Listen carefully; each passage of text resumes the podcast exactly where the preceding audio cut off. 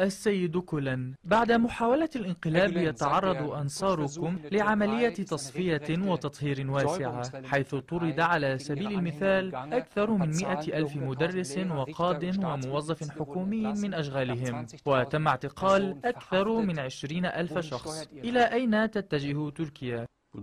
في الحقيقة كل ما يتم أمام أعيننا من اعتداءات قد تم التخطيط له مسبقا. كانوا يبحثون عن ذريعة تمكنهم من تبرير ما سيرتكبونه أمام الرأي العام العالمي وتقنع العالم بأن ما يفعلونه هو عين العقل والصواب. كانت قوائم للتصفية ترسل من قبل باستمرار. قوائم أسماء تتعلق بالجهاز القضائي ثم قوائم أخرى تتعلق بالجيش. ولكن المسؤولين في تلك المؤسسات كانوا يتعاملون معها بروية وفي إطار القانون. فتصفية شاملة على هذا النحو كانت تحتاج إلى مبرر مقنع.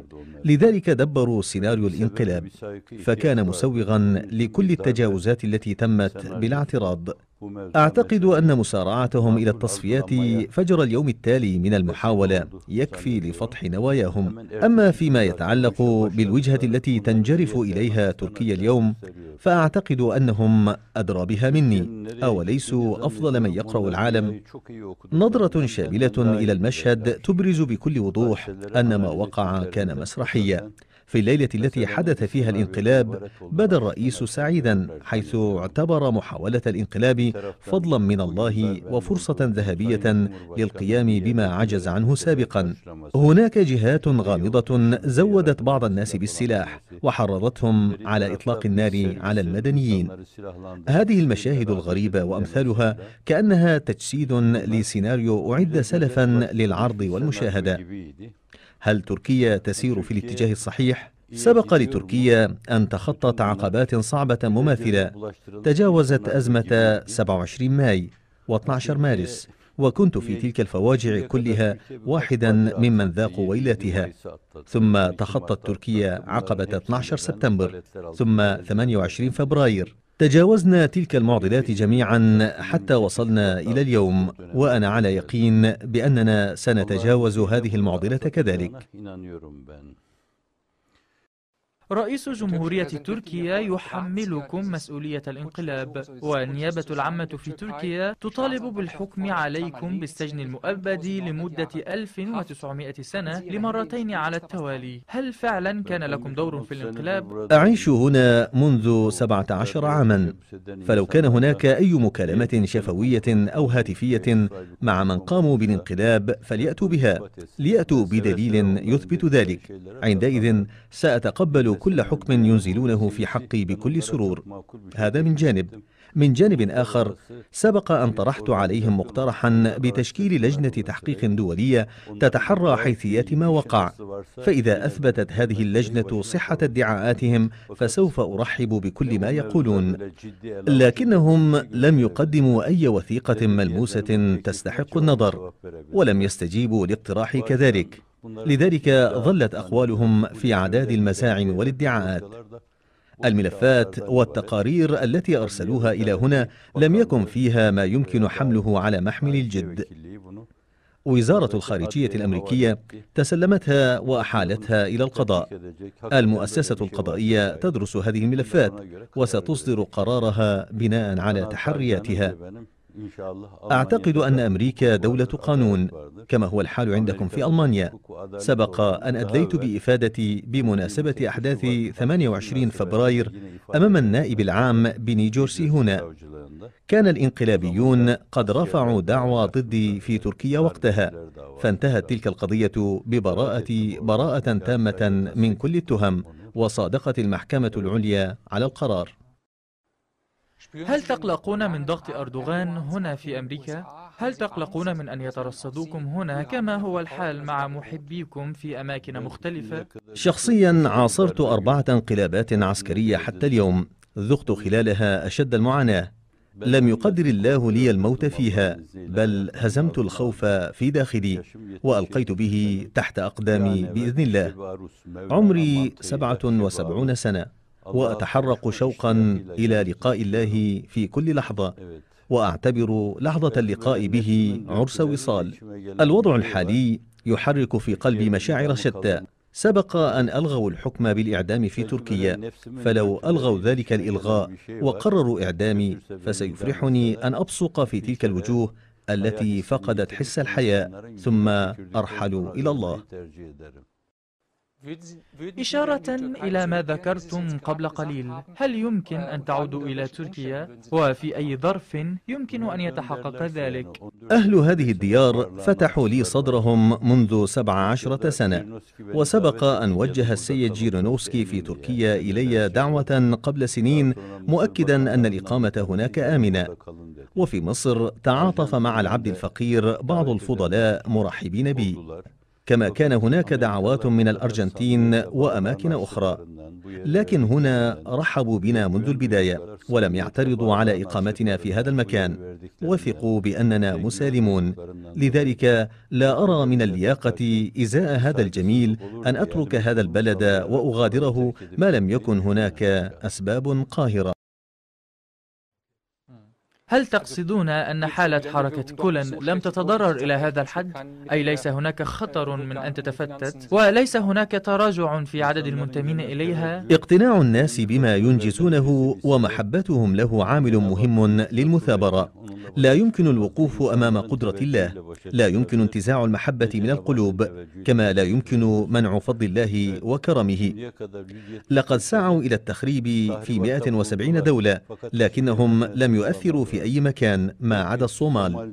هناك مدارس ومراكز ثقافية في 170 بلدا. بذلوا أموالا كثيرة لإغلاقها لكنهم باءوا بالفشل بل فتحت مدارس جديدة. هذا العام سمحوا هنا لفتح أربع عشرة مدرسة جديدة. هؤلاء الناس تابعوا السمت العام لهذه الحركة منذ عشرين سنة. جسوا نبضها أنصتوا إلى دقات قلبها فوجدوا أن كل شيء سليم. لو أنهم رأوا خللا واحدا لما توانوا عن اتخاذ كافة التدابير اللازمة. لقد توزعوا في كل بلدان العالم ليشوشوا الأذهان حول مؤسسات الخدمة لكنهم فشلوا. ومن ثم لا أرى أي سبب يدعو إلى اليأس. يقول شاعرنا الوطني محمد عاكف حذاري من مستنقع اليأس وإلا ستغرق عليك بالعزيمة لترى كيف تتعملق بالأمل تغذى كل من سار في درب الحياة وكبل روحه من في اليأس وقع Yaşayanlar hep ümitle yaşar, meyus olan ruhunu vicdanını bağlar der. Siz de anlıyorsunuz. بودي أن أتحدث عن حركة الخدمة بعض الشيء الحركة تنعت نفسها بأنها حركة تربوية مسالمة وتبدو أنها تهدف إلى إنشاء مجموعة من النخب المسلمة لكن الذين ينتقدونها يتهمونها بالتسرب في ثنايا المجتمع والتسلل إلى منظومة القضاء وكدليل يشيرون إلى تسجيل فيديو لكم يعود إلى عام 1999 في ذلك التسجيل تحرضون أتباعكم على اختراق المجتمع والسيطرة على الحكم في الحقيقة هذه ادعاءات ما فتئ المتطرفون من القوميين في الجيش يرددونها منذ القديم في حق المتدينين بتركيا لكن 90% من الشعب التركي يعارضهم في توجههم هذا هذه المشاريع الإنسانية العظيمة التي تمت في أرجاء العالم على أيدي أبناء الخدمة من الذي أنجزها يا ترى؟ أليس الشعب التركي؟ بالتأكيد أبناء الأناضول هم من ينجزون هذه الأعمال. ومن ثم فعدد محدود من المتطرفين القوميين العلمانيين هم من يفكرون على هذا النحو. لا أقول إزاء هذه الهزليات سوى شيء واحد. منذ متى أصبح التحاق أبناء الشعب في جهاز دولتهم اختراقا أو تسربا؟ إنه لا يسمى الفعل تسللا إلا إذا كان المتسلل أجنبيا للوطن أو للشعب. على سبيل المثال رجل من قوم السلاو تسلل إلى تركيا بأمر من القيصر خفية وتسرب في مؤسسات الدولة العثمانية باسم آخر أو هوية أخرى أو تسلل خفية إلى بنية الجمهورية التركية. هذا ما يمكن أن يطلق عليه اختراق بالفعل. أما إذا التحق ابن الشعب في بلده بمؤسسات دولته مثلا ألماني التحق في بلده بالمؤسسة العسكرية أو أصبح ضابطا في جهاز الشرطة أو قاضيا في المنظومة القضائية أو في المؤسسات الإدارية؟ فهذا لا يسمى تسللا لأن هذه دولته وهو ليس دخيلا عليها. من هذا المنظور ربما شجعت أبناء البلد على أن يلتحقوا بمؤسسات مختلفة في دولتهم. وقد ذكرت وجهة نظري هذه سابقا للقادة العسكريين كذلك. لكن هؤلاء السابقين ومن في سدة الحكم اليوم عندهم خطة أخرى وهم آخر. همهم الوحيد أن يستولوا على كل شيء أن يكون كل شيء تحت وصايتهم وفي حوزتهم. وأعتقد أحد أسباب عداء القيادة الحالية لحركة الخدمة هو أن المدارس التي تعمل في 170 بلدا لم تنشط من أجل التمهيد له ليصبح أميرا للمؤمنين في العالم الإسلامي. لو أنها تحركت في ذلك الاتجاه لما مسها بأي سوء؟ كان هذا همه الأوحد. لم يستطع توظيفها من أجل هذا الغرض. فقال عنها ما لم تخضع لوصايتي فلا قيمة لها حتى لو كانت تقدم خدمات في 170 دولة بل حتى في 340 دولة. ما لم تخدم هذه المؤسسات أيديولوجية طيبزم أو أيديولوجية أردوغانيزم فلتذهب إلى الجحيم سحقا لها حتى لو كانت تهدي الناس إلى جنات الفردوس. هذه هي طريقة التفكير للأسف ولأنه تم إسكات جميع الأصوات المعارضة فلا تسمع الجماهير في تركيا صوتا سوى صوته فيؤدي هذا إلى انخداعها بما يقول. أعتقد أن الذين عاشوا في ألمانيا في الأربعينيات يفهمونني جيدا لأنهم ذاقوا مرارة هذا النوع من الممارسات القمعية آنذاك. هل يا ترى أصبحت الحركة قوية جدا فلجأ أردوغان إلى هذا السبيل ربما يتذرع بالانقلاب للقضاء عليكم. هل فعلا أصبحتم أقوياء جدا؟ الحقيقة أننا أمام نوع من الهستيريا التي يعرفها أطباء النفس جيدا.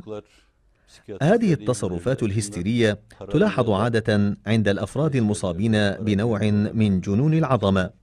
هذا ما نشاهده بالضبط. لديهم توجس من كل تحرك ومن كل حس. تصور أنهم ينظمون قوافل من البرلمانيين ويرسلونهم إلى كل بلدان العالم ليقنعوا المسؤولين هناك بمهزلة أن الخدمة منظمة إرهابية. ويبذلون في ذلك اموالا لا حد لها يفعلون ما لا يخطر بالبال. سألتم قبل قليل ما إذا كنت أقلق أو أخاف من تهديداتهم. أبدا لا أحمل ذرة من خوف. أنا لا أخاف إلا الله. لا أخاف إلا من أن أسيء الأدب مع أمتي ومع الإنسانية. ربما هو من ينبغي أن يخاف لأنه كان يقيم في سكنات عشوائية في بداياته فأصبح فيما بعد يسكن الفلل والقصور ويمتلك سفنا وعبارات يمتلك مليارات مليارات الدولارات التي نقلها إلى مواقع مختلفة من العالم. عندما تم الكشف عن هذه الأموال المشبوهة في السابع عشر والخامس والعشرين من ديسمبر وهو يعد نفسه لإمارة المؤمنين ويظهر نفسه على أنه مسلم مثالي اتهمنا بأننا نحن من أفسد خطته فازداد حقده علينا وتفاقم حنقه ضدنا. وفي الأخير اختلق سيناريو الانقلاب هذا لكي يزج الناس في السجون دون مساءلة. أجل ما نراه اليوم إفرازات للحالة الهستيرية التي يعيشها. أعتقد أنه يرتعد خوفا وحسب ما ينقل المقربون منه فإنه يركل الجدران ويشبعها لكما يعاني من آلام شديدة. يقول تعالى إن تكونوا تألمون فإنهم يألمون كما تألمون. صحيح أنه يذيقكم ألوانا من العذاب والمرارة لكنه لا يقل عنكم معاناة وتألما. في ألمانيا ما يزيد على 300 مؤسسة لحركة كولن ما بين مدرسة وجمعية. يشبهكم بعض المنشقين عن حركتكم بالكيانات الطرقية من أمثال سيتولوجي التي تمارس نوعا من غسيل الدماغ. يقولون أنكم تفرضون على أنفسكم نوعا من التزمت القاسي بناء على مبادئكم الإسلامية. ليس هناك غسيل دماغ ولا شيء آخر لا إكراه في الإسلام. كل إنسان حر في معتقده. سبق أن قلت في يوم من الأيام الحجاب فرع من فروع الإسلام أي ليس من الأصول فليس بكافر من لم يرتدي الحجاب. هذا الرجل الذي يحتل قمة الدولة اليوم أخذ هذه العبارة وظل يلوكها في المظاهرات الانتخابية ضدي.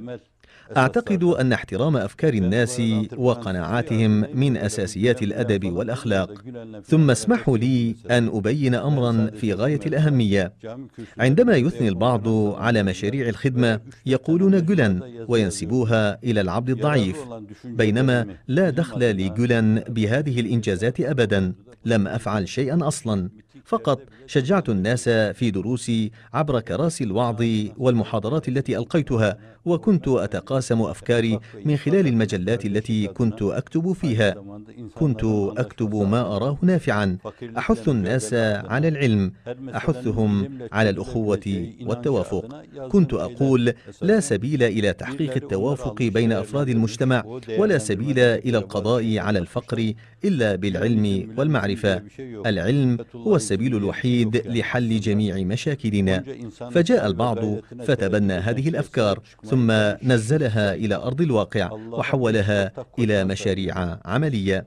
لذلك لا يوجد شيء اسمه الجولانية أو فتح اللهويه هذا ليس صحيحا. لا يصح نسبة مشاريع حققها آلاف من الناس إلى شخص بعينه.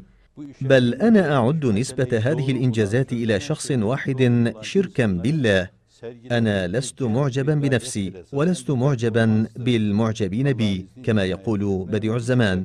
لو جاءني أحد وقال لي أنت أنجزت كذا ونجحت في كذا فإن ذلك أشق علي من الشتم.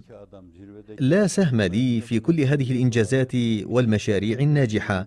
إنما هي جهود مخلصة لأناس لمسوا في الأفكار التي طرحتها جانبا من المعقولية والنافعية فانطلقوا إلى تنفيذها. فالفضل يعود إليهم اولا واخرا وهو فضل من الله ومنا. أما أنا فلم أفعل شيئا أصلا. فلا علاقة للمؤسسات الموجودة في ألمانيا بي ولا للمؤسسات في إنجلترا ولا للمؤسسات في أمريكا. ثم إني لا أعرف واحدا في الألف من القائمين على تلك المؤسسات أو العاملين فيها. أطلعتمونا على الغرفة الخاصة التي تعيشون فيها. نشكركم على ذلك. نحن ممتنون لكم. تعيشون في ظروف متواضعة جدا. وفي الوقت نفسه معروف عنكم أنكم تديرون امبراطورية تقدر بالمليارات من الأموال. عندكم مستشفيات ووسائل إعلام ومصارف بنكية. في حين لا يوجد أي عنوان لحركتكم لا أثر لاسم كولا في أي مكان. فيما يتعلق بالجانب المالي فنحن في منتهى الشفافية. لو جاء أحد المسؤولين الأمريكيين فبإمكانه أن يفتش في كل مكان وفي أي وقت شاء. يمكنكم أن تفتشوا المكان الذي أعيش فيه. غرفتي سريري. بإمكانكم أن تنظروا في ثنايا كتبي ودفاتري ومقالاتي التي كتبتها في بعض المجلات. وبالتأكيد ستخرجون من هنا راضين مطمئنين. لن تجدوا سوى شفافية مطلقة. لا شك أن كل بلد يمتلك جهازا للمراقبة المالية كما أن هناك مسؤولين في المجال القضائي ومسؤولين في المجال الأمني بإمكانهم أن يذهبوا إلى مؤسسات الخدمة حيثما كانت ويفتشوا فيها حتى أدق التفاصيل. فإن عثروا فيها على أي خلل أو ثغرة فليغلقوها بدون تردد. لن أحزن أبدا ولن أحتج بكلمة واحدة. كانت نصيحتي لجميع من وثقت بهم ووثقت بصدقهم وإخلاصهم ونزاهتهم كونوا شفافين دوما احرصوا على الاندماج مع البلد الذي تعيشون فيه ايا كان ذلك البلد. حذاري أن تقصروا في ذلك. اعتبروا أنفسكم منهم. فكروا بمصالح ذلك البلد دائما واعملوا على خدمة أهله.